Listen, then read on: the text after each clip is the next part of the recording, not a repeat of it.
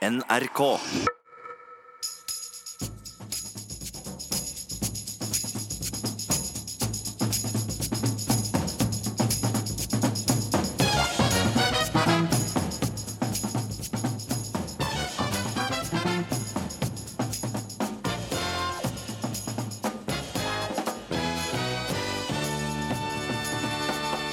Kongelig feber i Norge og minner for livet for fansen. Fikk han hilse på Kate. Kongen er for alle, sier Blomsterfinn, mens norsk-britiske Nicholas Wilkinson ikke skjønner poenget.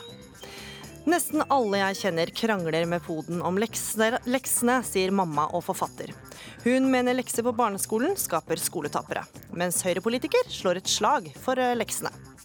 Og er du blitt litt mer skeptisk til russere og kinesere i det siste? PST advarer mot utenlandske agenter i Norge. Du hører på Ukeslutt her i P1 og P2. Jeg heter Gry Veiby.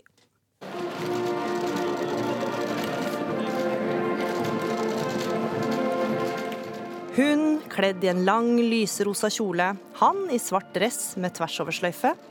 Og til tone fra gammel jegermarsj ispedd vill blitsing fra pressekorpset, ankom det britiske hertugparet middag på Slottet. For det har vært kongelig feber i landet denne uka. Fra William og Kate landa i Oslo på torsdag, har vi kunnet følge dem minutt for minutt i norske medier. De to dagene de var her, rakk de å treffe skuespillerne i Skam, de traff norske gründere, små skigåere, og de grilla pølser og pinnebrød, blant annet. Finn sjøl, også kjent som Blomster-Finn, hva viser dette besøket om hvilken posisjon monarkiet har i dag? Jeg tror det at faktisk folk syns det er hyggelig å ha noe å se opp til, for det tror jeg de gjør. Det gjør de, Men jeg tenker jo akkurat den seansen som vi nå har fått beskrevet, det er liksom the icing on the cake. Altså, Kongemakten sitter jo mye, mye dypere enn et besøk på den måten. Kongen er jo en betydningsfull person for det norske folk. Det tror jeg ikke vi kommer unna. Niklas Wilkinson, stortingsrepresentant for eh, SV, får anledningen med oss fra studio i London. Du er eh, også britisk statsborger. Hva syns du om eh, hertugparets sjarmoffensiv? Jeg syns jo det er ganske moro. Jeg liker jo litt sånn kjendiser i Norge, så det er jo spennende å følge med på. Og det tenker jeg jo både jeg og Finn sjøl er enige om, at dette er jo spennende folk, og det er alltid morsomt med kjendiser i Norge. Men, Men, eh, jeg, men jeg stiller jo et lite spørsmålstegn ved at vi bruker hundrevis av millioner av kroner på dette og opptoget, sirkuset, i stedet for at vi bruker de pengene på noe som kunne vært mye bedre, f.eks. å øke barnetrygden for folk, få ned forskjellene, skolefrukt i skolen. Altså det er veldig mye ting vi kunne gjort sammen, som jeg tror hadde bundet folk sammen og gitt folk gode muligheter i livet, heller enn liksom sirkus med kjendiser på tur verden rundt. Ja, selv, Det koster mye penger å ha monarki, da? Er det verdt Ja, alle men disse det, pengene? dette statsbesøket det koster noe, det det koster. Og jeg tror faktisk at det binder folk sammen. Det er akkurat dette her. Men jeg tenker at kongemakten er så mye viktigere enn det. Altså monarkiet i seg selv. Det der at det er kontinuitet. Altså, jeg tenker tradisjon, det trumfer alt som heter trend. Og allikevel så syns jeg kongehuset vårt er veldig tilpasset. Jeg tenker at eh, men, eh, Og det tror jeg kongehuset er laget for. Jeg tror kongehuset er laget sånn at det skal kunne være tilpasset enhver generasjon når du kommer. Og jeg tror de som går der, når du er født inn i det, du går i en god skole. Du får en lang utdannelse, og du vet hvordan du skal oppføre deg. Og bare det i seg selv, tenker jeg Det er mulig at jeg er helt bak mål, men jeg tenker at det å vite hva man skal foreta seg i visse situasjoner, kunne norgeshistorien på rams som kongen vår kan, og som blir arvet videre, jeg tror det er viktig. Kontinuitet liker jeg. Wilkinson? Men dette er jeg faktisk litt enig i. Jeg tror det er viktig å kunne sånne ting, men jeg tror det er viktig at det må vi gjøre i skolen vår. Alle norske barn må kunne norsk historie og ta del i norsk kultur. Det er kjempeviktig for oss. Men hva, da får vi spørre oss hva er det som skal binde oss sammen som folk? Er det verdiene våre, slik jeg og SV mener, menneskerettigheter, likhet, like muligheter? Men Eller er det enkeltpersoner dratt som skal prøve å besøk, Hvem skulle sammen? på besøk til utlandet og representert Norge, da, hvis eh, ikke kongehuset skulle gjort det? Men det er et godt spørsmål. For hva betyr det egentlig å representere Norge? For det sier vi ofte om kongehuset. Og de representerer Norge. Nå kommer Storbritannia hit, og da representerer de Storbritannia. Men hva betyr egentlig det? Det er jo ikke som om det norske folk nå er noe bedre kjent med Storbritannia enn vi var før. Jeg tror det der snakket om at liksom en person kan være et helt land, det tror jeg bare ikke stemmer. Jeg tror at det vi skal gjøre hvis vi skal snakke om at land skal bli kjent med hverandre, så handler det om utdanning, det handler om å lære språk i skolen, binde folk sammen. Men det er noe vi må gjøre som fellesskap, alle mennesker i Norge. Ikke ved å bruke en halv milliard kroner i året på å sette noen personer som skal arve makt og innflytelse i samfunnet vårt. Fine folk, men jeg tror nok det beste er at vi styrer landet vårt i fellesskap, demokrati, ikke ved at noen skal arve penger. Jeg syns faktisk til og med det er et brudd med verdiene våre. At det, er, det, går motsatt av det som er de norske verdiene jeg tror på, nemlig at alle mennesker skal, være, skal ha like gode muligheter til å lykkes. Jo, men du, det som jeg tenker på, du ser på det som et brudd med verdiene våre. At man har da en familie som på en måte opprettholder den kontinuiteten. Jeg tenker at det kan være veldig, veldig bra å nettopp forsterke verdiene våre. Fordi at de er så gode eksempler. Og det er på en måte, det ligger, i, det ligger, jo i sakens natur nesten. Vi har ingen dårlige eksempler i kongehuset vårt til å kunne vise til noen gang. De virker på meg som de er moderne. Jeg tror at den gang bare en så enkel ting som når Mette-Marit giftet seg med Håkon, hun var alenemor. Jeg tror på en måte det gikk et gisp gjennom nasjonen. Og så, eh, eh, så, men hva gjør svigermor, som er dronningen? Hun viser hvordan man skal oppføre seg. Det er så bra. Og jeg tenker Noman, eh, som jobber her i huset, når han nå er nominert som årets homo, når han sier at han kunne komme ut fordi at kongen hadde sett han, hadde sett han som trippel minoritetsgruppe. Jeg tenker at den talen kongen holder, den betyr veldig, veldig mye. Eh, så kan vi, vi kan godt begynne å ta penga òg. Bruk mer. Bruk mer penger, altså. Det er ingen øvre grense for hvor mye kongehuset kan bruke. men det, Nei, men det er jo bare sånn jeg sier for å provosere, ikke sant. Det, ja. det er jo sånn. Men jeg syns du sa noe viktig nå, fordi at kongens tale gjorde også sterkt inntrykk på meg. Og jeg mener jo eh, at den kongehuset vi har nå, representerer egentlig norske verdier for meg mye bedre enn den norske regjeringen med Høyre og Frp gjør. Men forskjellen er at den norske regjeringen kan vi sammen bestemme i valg. Og vi har veldig flaks nå, fordi at vi har flott konge, som jeg også er veldig glad i. Men vi må lage grunnloven vår og systemene våre for at de skal skal holde seg over tid. Og Da må vi stille oss er det prinsipielt riktig at folk skal arve makt og innflytelse. Jeg vil jo håpe at uh, kong Harald kan ha stor innflytelse i det norske samfunn uansett. Jeg vil i hvert fall, og SV vil gjerne brukt han i mange roller. Hvilken som nesten ikke skulle vært konge? Ja, Du har masse folk i det norske samfunnet som påvirker, eh, påvirker samfunnet vårt. Altså, I USA for eksempel, så har du jo Oprah Winfrey, som vi snakket litt om før sending. Som jeg er en kjempegod ikke, representant for USA. Og vi har jo hatt Per Fugli, ikke sant. Så det er, vi, ja. det er jo ikke det, er jo ikke det vi mangler at vi mangler bra folk. Vi mangler jo spotlighten. Og det er det som er så viktig. Det blir satt en spotlight på dem. De blir sett. Det blir formidlet videre. Altså ned Og jeg tenker Norge er et langt, skrantent, til dels litt Uh, ens, ens, uh, ensfarvet land. Litt, mm. uh, litt gråmelert, kan vi si innimellom. Med, som består av masse flotte, fantastiske mennesker. Det er da ikke så farlig at vi på en måte av og til ser en anledning som dette, hvor de virkelig viser fram seg. Og det er jo kultur. Jeg tenker på å vise bare fram Slottet er kultur. Altså, Vi har jo noe. Vi drar til, vi drar til Italia, kaster oss ned i, i kirkene og skriker hvor deilig det er å se gull og glitter og fantastisk. Men når vi kommer hjem, så skal det liksom ikke være noe. Og det skal det. Vi skal ha det. Men det skal det. men jeg tenker at den flotteste, den flotteste, kulturen vi kan ha, det er den kulturen alle får lov å være med på og ta del i. Alle får jo lov å være musikk, med på dette her. Når dette vi har musikk, vi har dans Altså Det britiske kongehuset, da, for å ta det, det koster 3,5 milliarder kroner i året. I et land hvor barnefattigdommen ja, hvor barnefattigdommen øker enda raskere enn i Norge. Altså I mm. Norge har vi nå over 100 000 fattige barn. Mm. Og da mener jeg det igjen, Dette er sikkert fine folk, men å bruke en halv milliard på dette Jeg mener at vi hadde hatt mye bedre av norsk kultur å bygge noe vi kunne alle ta del i. Og så må jeg, si noen snakker av til, men skal vi ha en sånn Skal vi ha en stor president? Ja. Jeg mener jo ikke nødvendigvis det heller. Vi trenger faktisk ikke å drive med sånne kjempedyre pomp og prakt-statsområder. I stedet så syns jeg vi skal ta del i fellesskapet sammen. Det er verdiene våre som skal binde oss sammen. Fly over Oprah Winfrey også, kanskje, Niklas Wilkinson?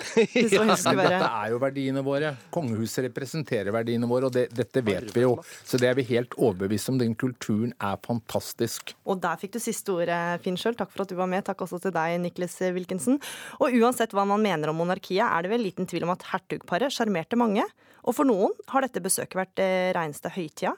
Ukeslutts reporter Andrea Kvame Hagen traff en av dem. Jeg heter Kristin Sturrusten, og jeg skriver en kongeblogg som heter Gal og regal. Og det er ikke noe jeg kan leve av, så da avspaserer man litt fra jobben for å dra ut for å jakte på kongelige. Det er en kald, grå og tilsynelatende ordinær januardag i Oslo sentrum. Men denne dama er på vei til en helt spesiell plass. med håp om ei helt spesiell oppleving. Jeg håper at det kanskje ikke har dukket opp så mange mennesker ennå, så at man kan få komme litt tett på.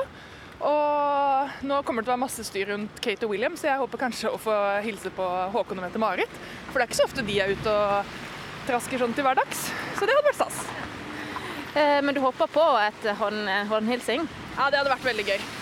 Det, det er nesten litt sånn uvirkelig. Det britiske monarkiet er jo litt mer sånn eh, lengre unna folket enn det norske kongehuset er. Så eh, ja, det å håndhilse på dem er litt eh, stort, faktisk. Anten du er rojalist eller ikke, du har nok uansett fått med deg et visst norgesbesøk denne veka.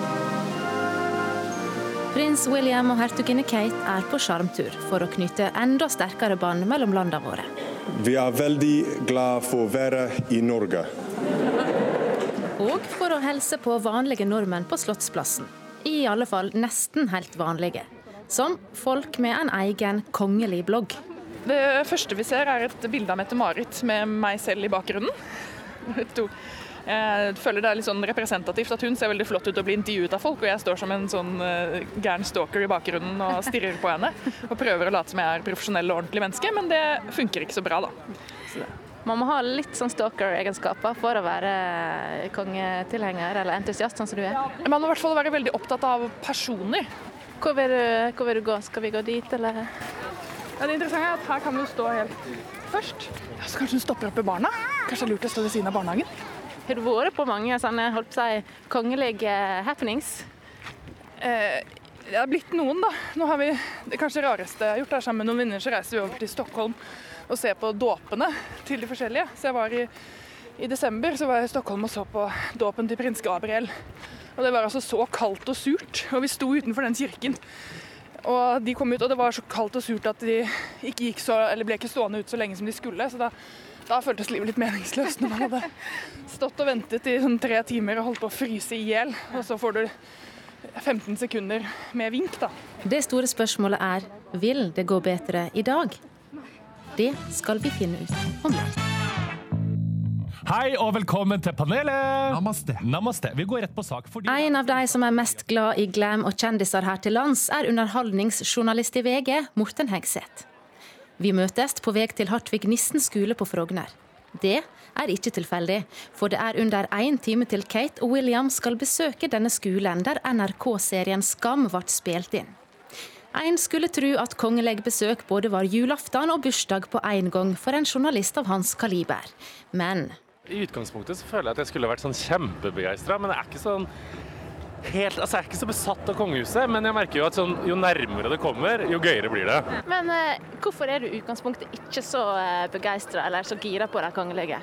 Ja, det er vel litt rart, for jeg har hele liksom, livet vært sånn Alt som finnes i ukeblader er gøy, men sånn kongefamilie har vært litt sånn for min del litt sånn for up there, for overklasse, for mye etikette og silkekjoler til at jeg syns det har vært så veldig spennende. Kunne du ønske deg noen andre kongelige? Nei, altså, Hvis jeg hadde fått valgt, så hadde jeg jo valgt queen Elizabeth med en gang. Kvinnen som aldri i sitt liv nesten har gjort et intervju. Men jeg syns det er gøyere at de to er her, enn at Charles og Camilla Parker Bowles kommer hit. Nå kommer vi utafor Hartvig Nissen skole. Ja. Masse folk, eh, masse presse, og eh, bare hele går var jo hele Presse-Norge dekka av dette besøket. Eh, overdriver vi litt, eller er det på sin plass? Kanskje vi overdriver litt, men det er jo litt gøyalt med kongelige. Altså, tenker jeg sånn, når det først, altså, jeg tenker William og Kate er jo de som er kulest å ha på besøk, så det er kanskje litt overdriving, men igjen, jeg er dessverre ikke sånn kjempeengasjert i det. Jeg må egentlig bare gå og jobbe. Applaus og hoiing når den kongelige kortesjen svinger inn til Hartvig Nissen. Men syns ungdommen egentlig at det er kult å få besøk av kongelige celebriteter? Nei, nei egentlig ikke. ass. Jeg var være helt ærlig. Ja, hvorfor ikke? Nei, jeg syns at uh, de er to vanlige folk. Det er bare blitt født inn i en familie, og derfor er de superkjendiser. Og jeg føler ikke at de har gjort noe betydelig for meg som er veldig sykt for meg, og at de kommer her er ikke så spesielt. Nei vel. Skal vi ha litt kongelig glød, må vi nok tilbake til Slottsplassen. Kristin Storusten hutra litt. Men nå skjer det noe. Ja, nå går det fanfare her. Å, så nydelig dronningen er. Nå begynner de å bevege seg i vår retning. De går og hilser ordentlig, altså. Dette blir jo litt sånn lotteri, men det ser ut som de kanskje slår seg ned ved sånn ja, hvert tiende menneske å hilse på. Vi får ha en replikk. Hva skal vi si, da? Ja, ja. Er du som snakke. Hva skal du si? Vi må kanskje spørre dem om et eller annet. Men der kom pulsen, ja. Nei, nå blir det fint, altså. Congratulations on the pregnancy. So nice to meet, see you. Very nice. Congratulations. Thank you. How are you doing here in Norway? Thank you so much. Very. Very nice to meet you. Though. Wow! Hva skjedde nå? Jeg fikk håndhilse på Kate. Og så sto jeg rett ved siden av henne og snakket med andre. Nei, nå går pulsen litt. Dette var fint. Det er ikke en vanlig dag på jobben. Litt mye. Men så nå snakker Mette-Marit med noen. Jeg fikk jo ikke snakke med Mette-Marit i det hele tatt. Får ta det en annen dag. Ja, og I går eh, satte prins William og Kate seg på privatflyet sitt og vendte nesa mot London etter disse to dagene i Oslo. Og Ukeslutts hoffreporter på Slottsplassen var Andrea Kvamme Hagen. Gråtende barn, tunge pust, stor frustrasjon. Det er hverdagen for mange foreldre når de skal hjelpe barna med lekser etter en lang dag på skolen. Bare hør her. Du skal gjøre arket du har fått i leksepermen. Jeg må lese alltid. det. Så mye. Jeg orker ikke. Orker mer. Men les i hvert fall ferdig siden, Maksen. Jeg orker ikke. Det er fra dokumentaren 'Fra barn til borger', som ligger på nrk.no. Og her hørte du seksåringen Max og mammaen hans gjøre lekser. Og det er ikke en ukjent situasjon for eh, mange, for nesten alle jeg kjenner krangler med poden om leksene. Det skriver du i VG, Ann Hilde Bolstad. Du er barnebokforfatter, pedagog og mamma, og vi skal ikke snakke spesifikt om dine barn, men hvordan vil du beskrive en typisk ettermiddag for en familie med barn i småskolen? Eh, Jeg tror faktisk at det klippet vi hørte nå, er veldig beskrivende hos veldig, veldig mange. Jeg skal ikke si at det er hos alle, men kanskje jeg kan si 90% av de jeg kjenner, har det akkurat sånn. De krangler, de lokker, de lurer, de roser, de kjefter. Eh, det er ikke en positiv opplevelse for noen i familien med lekser. For du skriver at da en, eh, en lekser som kanskje varer et kvarter, bruker man 45 minutter på, eller Eller mer. En, eller mer, ja. Ja.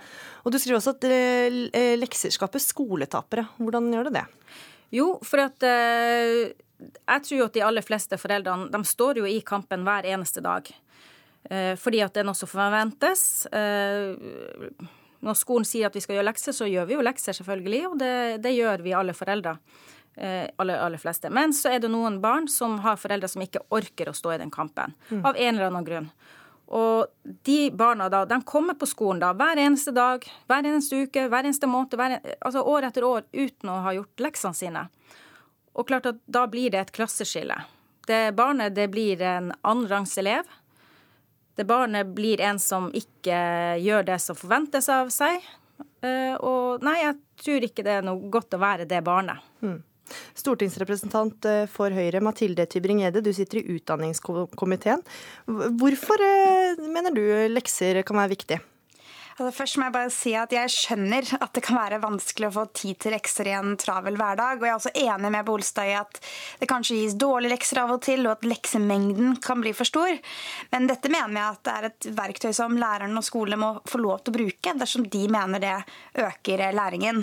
Og så er det jo mange lærere da, som sier at når de f.eks. gir repetisjonsoppgaver fra hva man lærte i klasserommet, og alle elever kanskje leverer digitalt eller eh, på en eller annen måte viser hva de har gjort, så gjør det lettere for lærerne å vite om elevene har forstått det, hvilket nivå de er på, og om de trenger mer hjelp. Og så er det et eh, poeng her som jeg mener er kanskje helt avgjørende, og det er at lekser er et viktig bånd mellom skole og hjem. Jeg forstår det kan være frustrerende, som det, klippet viste, men en av de viktigste faktorene, og det viser all forskning, for at elever skal lære å trives på skolen, det er engasjementet hjemme, og at foreldre er involvert i utdanningen til barna. Og lekser I tillegg til det, så er jo lekser også eh, og En av årsakene at lærerne benytter seg av det, er fordi at det å repetere på egen hånd og jobbe selvstendig, det er også en eh, viktig del av det å gå på skolen eh, og lære seg andre ferdigheter. Ja, Bolstad, La oss ta det først med at eh, lekser også kan gi foreldrene innblikk da, i hva, hva barna deres faktisk lærer på skolen. Ja, øh, og jeg, jeg forstår den tanken der, men jeg tenker at det er veldig mange andre måter å gi et innblikk og et bånd mellom foreldre og skole. Og det er jo ikke sånn at man skal slutte med ukeplaner, selv om man ikke trenger å ha lekser på dem. Eh, Og da kan man foreldre, som foreldre følge veldig godt med på hva som skjer på skolen. Uh, Nå holder man på med eventyr, da kan man snakke om eventyr. Ja, hva har du lært om eventyr? Vet du hva jeg kan om eventyr? Hva er det forskjellig? Altså, man trenger ikke å skrive et eventyr for det man, man har om eventyr på, på, skolen. Det kan man gjøre på skolen. Uh, så du får et ganske godt innblikk i hva, hva, man lærer på skolen, og hva man gjør. Og det er jo ikke sånn at man Eh, visk, visker ut noen ting som helst eh, av bånd mellom skolen og lærer for at man ikke gjør lekser. Mm. Jeg tror faktisk at det der for, forholdet mellom, mellom skole og, og foreldre kanskje gjør det litt vanskeligere, fordi at det er så mye kamp om akkurat de med leksene. Og så er det jo mange ulike hjem, Tybring-Edde. Hvorfor overlate det til hjemmene om å følge opp leksene? Hvorfor kan ikke skolen gjøre det? Jo, men skolene underviser jo barna mange timer hver eneste dag. Men eh, noen lærere mener at det å gi repetisjonsoppgaver gjør at elevene kan jobbe litt selvstendig senere og selv finne ut hvordan de ønsker å jobbe, ja. sammen med familien sin. Og så er jeg enig i at det er også snakk om hva slags lekser man gir. Her har jo skolen og lærerne et viktig ansvar. Og jeg mener at det er veldig bra om foreldre eh, er engasjert i skolen og også snakker med lærerne om hva slags lekser som gis, slik at de ikke blir så frustrerende. Men et, jeg vil egentlig bare trekke frem en ting som ble sagt som jeg må si jeg reagerer litt på. Det er den ideen om at hvis ikke du har gjort lekser, så er du en annenrangs elev. Jeg kjenner ingen lærere eller skoleledere som i noe som helst grad ser på elevene sine i en rangordning, uavhengig om de har gjort lekser Nei. eller om de klarer å følge med i timen. Poenget er at Vent litt, uh, Tybringen. Det skal Bolstad få svare på. det. Det tror ikke jeg heller. Eh, jeg vil presisere at jeg er lærer sjøl. Eh, det gjør ikke lærerne, men jeg tenker på den følelsen eleven sitter som ikke har gjort leksene sine. For at elevene, barn, tenker ikke konsekvenser. De tenker litt her og nå. Så når de kommer hjem og skal sitte og gjøre lekser, så ønsker de ikke å, gjøre lekser, men de tenker ikke at i morgen så har ikke jeg gjort lekser. Og det er jo kritikk. De møter jo kritikk. Eh, det er jo ikke sånn at det er ingen som lar det passere eh, hvis de aldri gjør leksene sine. Klart de blir møtt med, med, spørsmål og 'hvorfor har du aldri gjort det'? Mm. Mm. Det er derfor jeg tenker at det handler også om hvordan man, hvordan man følger opp de elevene som eh, f.eks. ikke ønsket lekser, eller først og fremst det som er hovedutfordringen, nemlig at de kommer hjem, skal gjøre repetisjonsoppgaver, men det er veldig vanskelig å repetere noe de ikke forsto i timen. Ja. Eh, men jeg har også lyst til å si det med, med repetisjon, egentlig. fordi at Eh, det er jo kanskje formålet med eh, lekser i utgangspunktet, at vi skal repetere. Men tror du at eh, man lærer noe ting som helst når man gjør ting i sinnet? Man gjør ting fordi man blir pressa til det. Men er ikke det bare en fase, da? Når man ikke kan ting godt nok, så er det mye motstand, men etter hvert som de knekker koden, Nei, så kan de bli flinkere? Fordi at det, det med, med, krangling og slåss om leksene har ikke noe med om, om barn er gode eller dårlige på skolen. Dette gjelder like, like, mye flinke elever, skoleflinke elever som sitter og, og gjør, uh, bruker tid på lekser når de egentlig kunne kanskje brukt kvalitetstid med familien. Mm. Og jeg tenker at Det er utrolig mye læring med å sitte med familien og prate om twittermeldingene til Donald Trump, flire av dem eller eh, snakke om bursdager, snakke om spille et spill da sammen. Uh, ludo, yatzy. Altså, det er utrolig mye annet mm. man kan lære av. Har ikke da leksene mista litt funksjon, da, hvis det bare blir en kime til krangling og dårlig stemning? Tybringede? Jo, men jeg vil bare si dette med læring ved å være med familien. og Det er jo en av hovedgrunnene til at jeg har vært skeptisk til en heldagsskole, f.eks. er jo fordi jeg tror at man uh, som barn også trenger å kunne ha tid på andre arenaer med familie og venner. Så det er helt, det er helt, poenget der er jeg helt enig i. men igjen så mener mener jeg at dette handler om hvis lærerne og skolene mener at dette gir læringsutbytte, at elevene lærer mer av å repetere. Og det er mange med bruk av digitale verktøy nå, så er det blitt lettere også for læreren å følge med eh, og kunne gi tilpassede lekser, slik at leksene ikke er frustrerende for den enkelte og langt over nivået man eventuelt er på, eh, men at man får det mer tilpasset og får vurdering og tilbakemelding av læreren eh, som kan være motiverende, det også. Mm. Men det er et poeng her at man kan ikke tvinge elever, elever eller barn til å bli motivert. Man kan ikke tvinge dem til å gjøre lekser. Man kan egentlig ikke tvinge dem til å lære heller. Det krever jo helt, en, en, en, helt annen måte, en relasjon til eh, barnet, eh, som gjør at de finner læringsgleden. Mange er nok uansett glad for at det ikke er lekser i dag, siden det er lørdag. Takk for at dere kom til ukeslutt, eh, Ann Hilde Bolstad, barnebokforfatter og pedagog, og Mathilde Tybring-Gjedde, stortingsrepresentant for Høyre. Du hører på Ukeslutt, bli med videre. PST advarer mot agentrekruttering på arbeidsplassen. Å rekruttere folk er som avansert dating, sier sikkerhetsekspert. Og åtte timers tidsforskjell kan bli en utfordring for sportsinteresserte under OL i Sør-Korea. Å se TV på natta er ikke bra for helsa, sier forsker som advarer om at 20 timer uten søvn tilsvarer 0,5 i promille.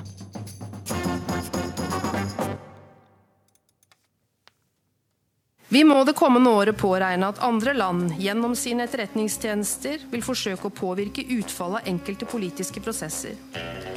Dette innebærer bl.a.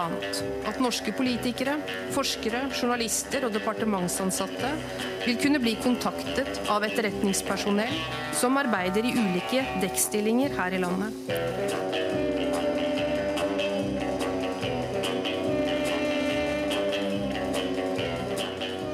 Denne uka har vi lært at vi må følge med på arbeidsplassen vår, for PST sier at vi kan være et mål for fremmede makter som ønsker å rekruttere agenter.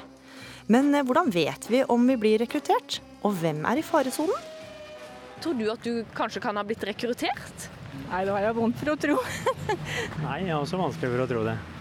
Ja, for jeg tenker jo akkurat det samme sjøl, men allikevel så sier myndighetene at vi må følge med. Vi ser at uh, fremmede lands etterretningsoffiserer og etterretningspersonell forsøker å rekruttere både kilder og agenter i Norge som har tilgang til skjermingsverdig informasjon. Det sa PST-sjef Benedikte Bjørnland denne uka, da sikkerhetstjenesten la fram si årlige trusselvurdering. Men hva slags personer er lettest å rekruttere? Det er litt varierende hva mennesker motiveres av, men hvis vi skal se på opp mot det mm, PST skriver i sin trusselvurdering, så er det jo altså hva skal man si, misfornøyde ansatte, såkalte innsidere, kan være et, et gode mål. Oi, men hvem er du? Jeg heter Mahmoud Farman og er sikkerhetsekspert hos BDO. I tillegg til å jobbe i konsulentselskapet BDO, er han òg tidligere etterretningsoffiser.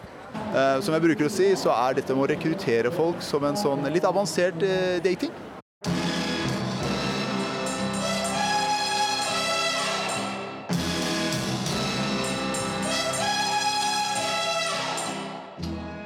Og det kan være mer at bare man er misfornøyd. Folk motiveres jo av anerkjennelse eller av penger. Eh, folk har lettere for å plapre hvis de har drukket et, eh, et, par øl. Og det er også enklere å utsette folk for press dersom de har trådt feil og noen har uh, lagt merke til det.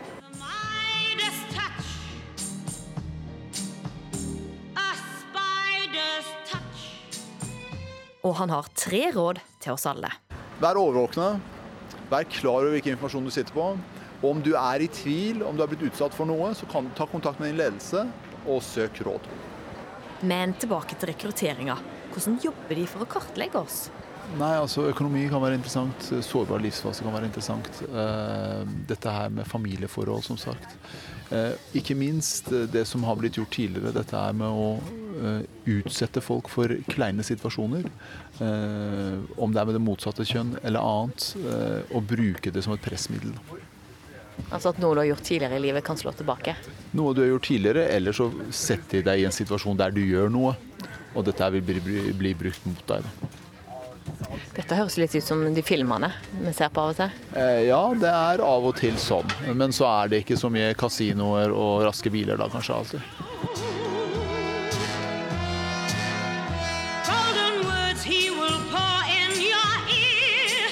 Altså sånn personlighetstype, da. Hva slags folk er vanskelig å rekruttere?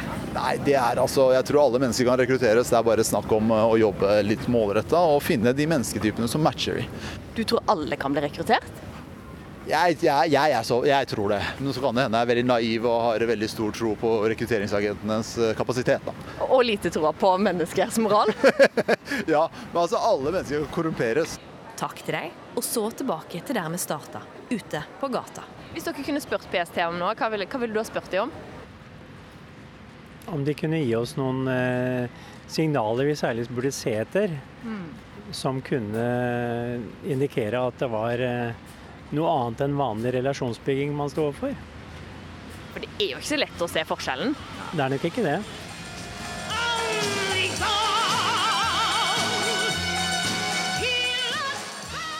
Og reporter her var Ann Kristin Liestøl.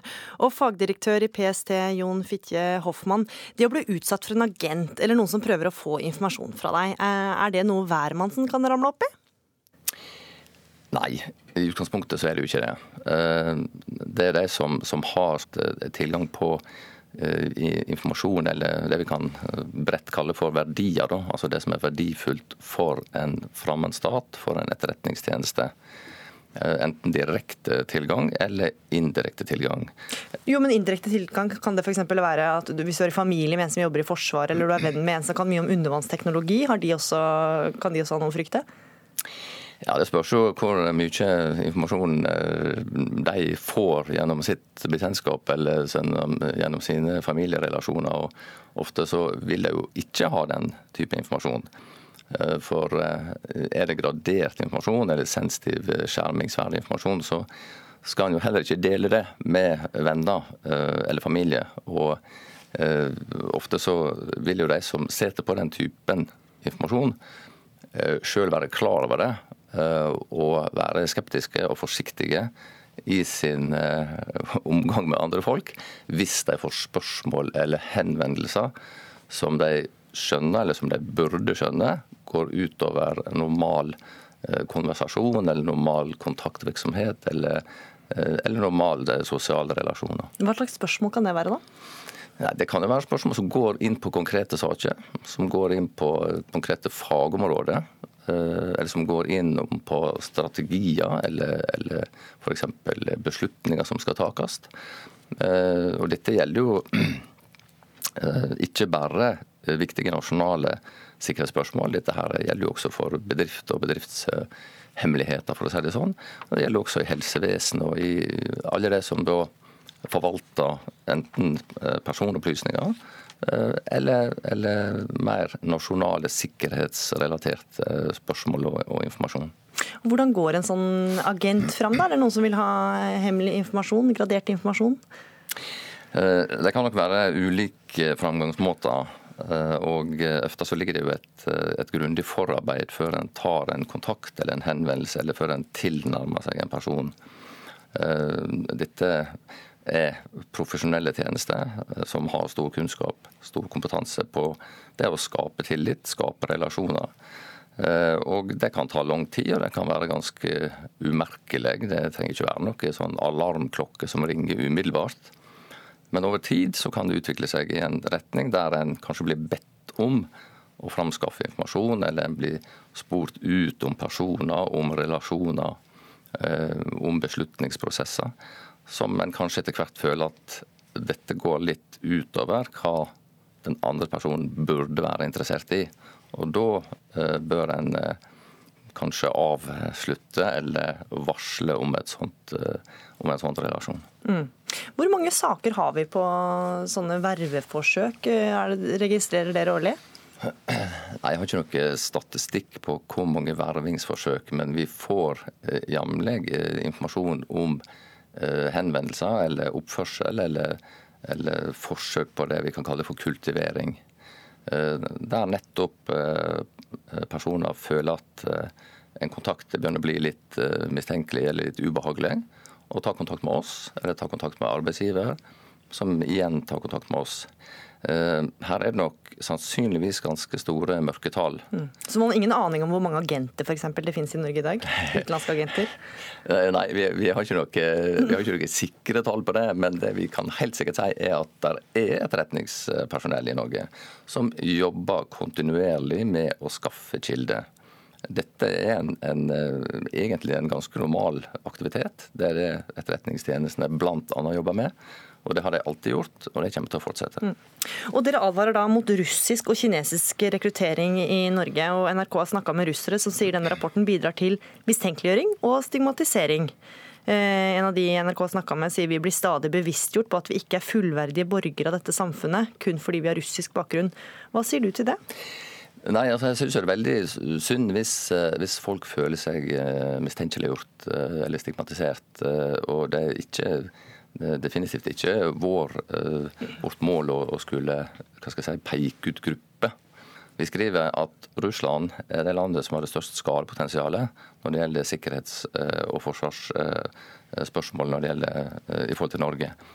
Og det kan jo ikke være så veldig overraskende for folk som, som, som føler litt med. Eh, det sier seg jo nesten sjøl. Eh, men det betyr ikke at det bare er Russland eh, som, som driver etterretning i Norge. Mm.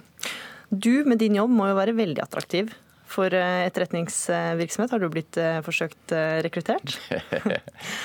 Nei, jeg har nok ikke det. Og for Som du vet om, da? Som jeg vet om. Ja. Det er riktig atterhold å ta.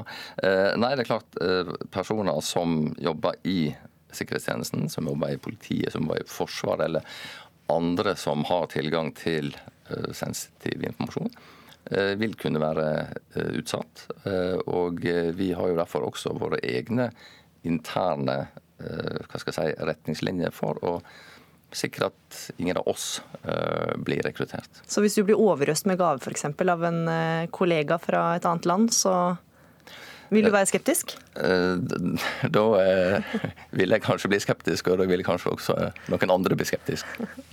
Fagdirektør i PST, Jon Fitje Hoffmann, takk for at du var med i Ukeslutt. Til uka åpner også OL i Pyeongchang i Sør-Korea. Og for spesielt sportsinteresserte nordmenn kan det by på en utfordring å skulle følge TV-sendingene direkte. OL-byen ligger nemlig åtte timer foran Norge, noe som betyr at mange av sendingene vil starte midt på natta. Men eh, det hindrer ikke deg fra å følge med. Anne Marie Ottersen, du er skuespiller og selverklært sportsidiot. Ja. Hvordan løser du denne tidsforskjellen? Sportsgæren. Ja. Eh, jeg eh, løser den på at jeg ikke er våken om natta, for det, det, det orker jeg tross alt ikke. Men eh, jeg tar opp. Du skal rett og slett ta opp alle sendingene? Ja, men jeg gjør det nå, jeg. Ja. Hvis, er, hvis, jeg er på tur på søndag og ikke får sett, så tar jeg opp. Men dette her, mange vil jo da innvende og si at sport er det veldig gøy å se direkte, for da ser du det er Klart det er det. For nå kanskje du kommer til å se på sendinger, og så vet du hvem som vinner. Jeg mister ikke sporten litt av glansen da? Ja, det er ikke fullt så gøy alltid. Men det var veldig gøy da Tiril Eckhoff nå plutselig vant uh, skiskyting. Og jeg fikk høre det på radio. Jeg prøver å unngå da å høre hvem som har vunnet og sånn, før jeg ja, ser det. Det er strategien for å unngå altså, Du må bare kutte ut alt annet. Ja. Men da fikk jeg høre det. Da så jeg faktisk hele den sendingen, for det syns jeg var så gøy. Og da at hun hadde vunnet. Og jeg var like nervøs foran hver skyting enda jeg visste at hun hadde vunnet. Så da, da ser man nivået av galskap, da. Ja, Så det er mm. samme for deg egentlig om du vet hvem som vinner også? For da er det Nei, egentlig ikke. Egentlig ikke det men... er morsomst i øyeblikket. Ja. Det er helt riktig. Ja. Anthony Wagstaff, du er avdelingsdirektør ved Flymedisinsk institutt, og du har forska på hva trøtthet gjør med oss. Nå er jo Ottersen er kanskje ikke den som eh, kommer til å sitte oppe hele natta, eller hun kommer ikke til å gjøre det. Hvor, eh, hva, hvilket råd vil, du, råd vil, du, gi til dem som er helt i og kommer til å se dette direkte og sitte oppe om natta? Ja, nei, men Det er viktig å glede seg over eh, sport, og det er viktig å glede seg over det man syns er morsomt. Men det er klart at man må liksom oppspå effektene. da. Så det er klart at man blir trøtt. Hvis man er oppe hele natta, så påvirker det hvordan vi fungerer i dagliglivet. Og noen av oss har yrker som på, hvor, hvor det har en betydning om du er på, om du passer på, eller om du gjør feil og tuller. Så da, det, er, det, er, viktig å være bevisst på det, i hvert fall. Mm. Du har jo da forska på skiftarbeid, som f.eks. Eh, jobben som pilot gjør, da, der det er vanlig å snu døgnet. Hvor de rett og slett endrer døgnrytme. Hva skjer i kroppen når vi ikke sover? Nei, nei, altså Det skjer flere ting. Det ene er søvnmangelen som de får. da, altså Når vi endrer døgnrytmen og ikke får sove på at det er dag og hormonene er og. Det andre er jo at eh, at uh, hormonene er jo på en måte en sånn syklus som gjør at uh, når, er, når, det er dag og, vi er, og, kroppen vår er på natt, på en måte, så, så, fungerer vi også mye dårligere uavhengig av hvor lite vi har sovet. da. Mm. Så det er begge de der tingene som, som påvirker oss, sånn litt sånn uavhengig av hverandre. på en måte. Og til sammen så kan jo det føre til at man blir ganske satt ut. da. Mm. Ja, hvordan, hvordan, påvirker det oss, da? Hva gjør vi? Nei, altså, vi, vi, vi, gjør, vi, gjør, feilhandlinger som Vi, har sen reaksjonstid, vi, gjør feil. Eh, vi, vi er lite årvåkne. Vi får, eh, hvis vi veldig, har mye søvnmangel, så kan vi ha sånn bitte små mikrosøvn som vi nesten ikke merker. Som, som gjør at vi dupper av bitte litt, eller hjernen kobler av bitte litt på, i korte perioder. Som gjør at vi, vi, har voldsom variasjon også i hvordan vi fungerer. Da. Det ene øyeblikket så kan vi virke nesten normale, og andre øyeblikket så vi, følger vi ikke med i det hele tatt. Så en sportsinteressert eh, nasjon, f.eks. som Norge, da, hvor OL går eh, på ugunstige tider, kan det være farlig under OL? Ja, altså jeg tenker at Hvis man har vært oppe hele natten, så bør man i hvert fall tenke på det når man skal kjøre til jobb om morgenen. Er det lurt osv.? Kanskje man skal ta, ta banen isteden. Eh, kanskje man skal tenke på i forhold til glattisen at man kanskje er litt mer rotete og kan snuble lettere. Og, altså Sånne ting kan man altså, være litt bevisst på at det påvirker oss ganske tydelig. Og de som har jobber, da, som flyvere sjåfører, eh, om du kjører trikk eller gjør andre ting som er sikkerhetskritisk, er det helsevesenet, så er det viktig å være bevisst på at man eh, dette kan påvirke hvordan vi fungerer, og det kan faktisk være farlig. Ja, for man kan faktisk få promille. Ja, altså øh, Forskning har vist at sånn, en sånn, hvis du har vært våken i sånn 17-18-19 timer, så, så, ligger vi på en promille på sånn 0,5 kanskje. da. To øl. Ja, to øl. Mm. Vel så det for en voksen mann. da. Eh, og, eller to glass vin. Altså, vi, vi, ligger rundt der i forhold til funksjon. Eh, og Det går på årvåkenhet, eh, det går på reaksjonstid, sånne ting. Og det, det, er klart, det er jo over det som er lov. Mm. Blåser man da det, det, slår ikke ut på sånn alkotest. da. og det er noe av problemet at man ikke, man ikke alltid er bevisst på det. Særlig hvis man har, vært, har, hatt litt dårligere søvn dag etter dag, eller natt etter natt. da. Sovet kanskje seks timer hver natt over tid. Ja. Så er man mindre bevisst på hvor, hvor trøtt man egentlig er. da. Altså, altså, Bevisstheten på det er ikke Men man vet jo at man har drukket. Farlig, kanskje ja. ikke man er så bevisst da heller, men Ottersen, altså Alpint er det som er mest utsatt for tidsforskjellen under uh, OL. Og ja. Aksel Lund Svindal kommer til å sette utfor tretida om natta norsk tid. Wow. Klarer du virkelig å ikke slå på TV-en da? Oh. Setter meg i grusomme dilemmaer her. Det kan jo hende jeg våkner litt på natten og kan se, og jeg er nå i en periode hvor jeg kan eh, forskyve arbeidstiden. Jeg skal ikke spille på teatret. Så, og det er vel For jeg må også være årvåken når jeg skal spille, skjønner du? Ja, det ja, da skal alle replikkene sitte, og all timingen skal være der.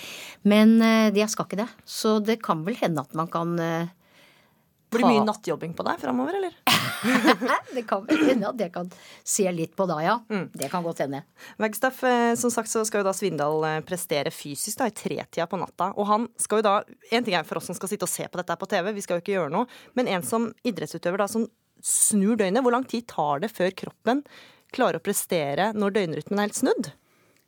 Nei, altså vi pleier å si sånn, én sånn en tidssone per, per, per, dag. Da. Men det er, kanskje, det er kanskje litt eh, konservativt. da. Men én eh, til to uker hvis du skal bort dit, liksom. Jeg ville, tatt, jeg vil, jeg vil være opptatt av at han har fått, fått, tilpasset seg da, før han skal drive og fungere klokken tre om natta. For hvis han skulle gjort det sånn direkte, så, så påvirker jo det eh, vår funksjon ganske sånn grunnleggende. da. Ja, for jeg tror ikke jeg kunne prestert så veldig godt klokka tre om natta. Nei, så Vi har alle merket det, ikke sant. Jeg husker den gangen jeg kjørte. Ja. Er det jo noe som heter. Mm. Ja, ja. Jeg husker en gang jeg kjørte legevakt, sto midt på natta klokken to-tre og så skulle ut en pasient etter å ha sovet. Det var, helt, eh, jeg var jo helt sånn surrete i huet. Ja. Ottersen, hva gleder du deg mest til på dette OL-et? Jeg gleder meg til alle fightene. Jeg gleder meg til alle Nå har vi jo så utrolig mange gode nordmenn. Og kvinner. Mm. Og så kanskje vi skal finne et fellesnavn der. Men mm. nok om det. i hvert fall. Eh, så de, alle fightene og selvfølgelig skiskyting. Ja, alle fightene med, mellom, mellom vårs og utlendinga. Ja. Det gleder jeg meg til. Mm. Og vi har så mange gode. Og det er klart, eh, altså eh, Sånne sekund- og minuttstridere og det der det som Jeg kommer jo til å savne Nå har vi jo eh, Johannes Høsflot Klebo og Martin Jonsrud Sundby og disse gutta, men jeg kommer til å savne altså Northug så forferdelig. For det var jo det, og det er jo der hele opprinnelsen til min sportsinteresse ligger. Det er jo på skøyter, da jeg var lita jente. Og der tok de, tok de utlendinga på, ti, på tieren, på, på 10 000-meteren. Mm. Og det var den siste øvelsen, og det var der. Og det er akkurat det der som Northug på en måte har gjenfødt, vet du. Ved at han ligger kanskje litt langt bak og lurer, og kommer han til å klare Bang! Så var han forbi. Mm. Og det er, det er de derre de der. Og også selvfølgelig det der med skiskyting. Treff, treff, treff. Jeg sitter Jeg er helt med, altså. Så det gleder jeg meg veldig til. Hva med deg, Vagstaff? Nei, Jeg er ikke sånn, jeg kan ikke påstå at jeg er på, i, på samme planet i det hele tatt når det gjelder sportsinteresse. Men jeg, men jeg syns jo det er sånn som det du beskriver. ikke sant? Når du sier det, så oh. kan jeg jo tenke, tenke gjennom ting jeg har sett også som ja. har gitt den type følelser. Ja. Så jeg, jeg, jeg syns jo det er gøy. Men det er ikke sånn at jeg kommer ikke til å sitte oppe om natta for å se på OL. Altså. Du vet jo også hvor skadelig det er, så du kommer selvfølgelig ja, til å gjøre det. Er ikke, det jeg hadde sikkert, Hvis det var virkelig viktig for meg, så hadde jeg ofret uh, litt, da. Uh, men, men uh, ja. Det kan hende jeg gjør, altså. Jeg skal ikke se bort fra. Og da åpningsseremonien den finner sted midt i arbeidstida på fredag. Gledelig nyhet.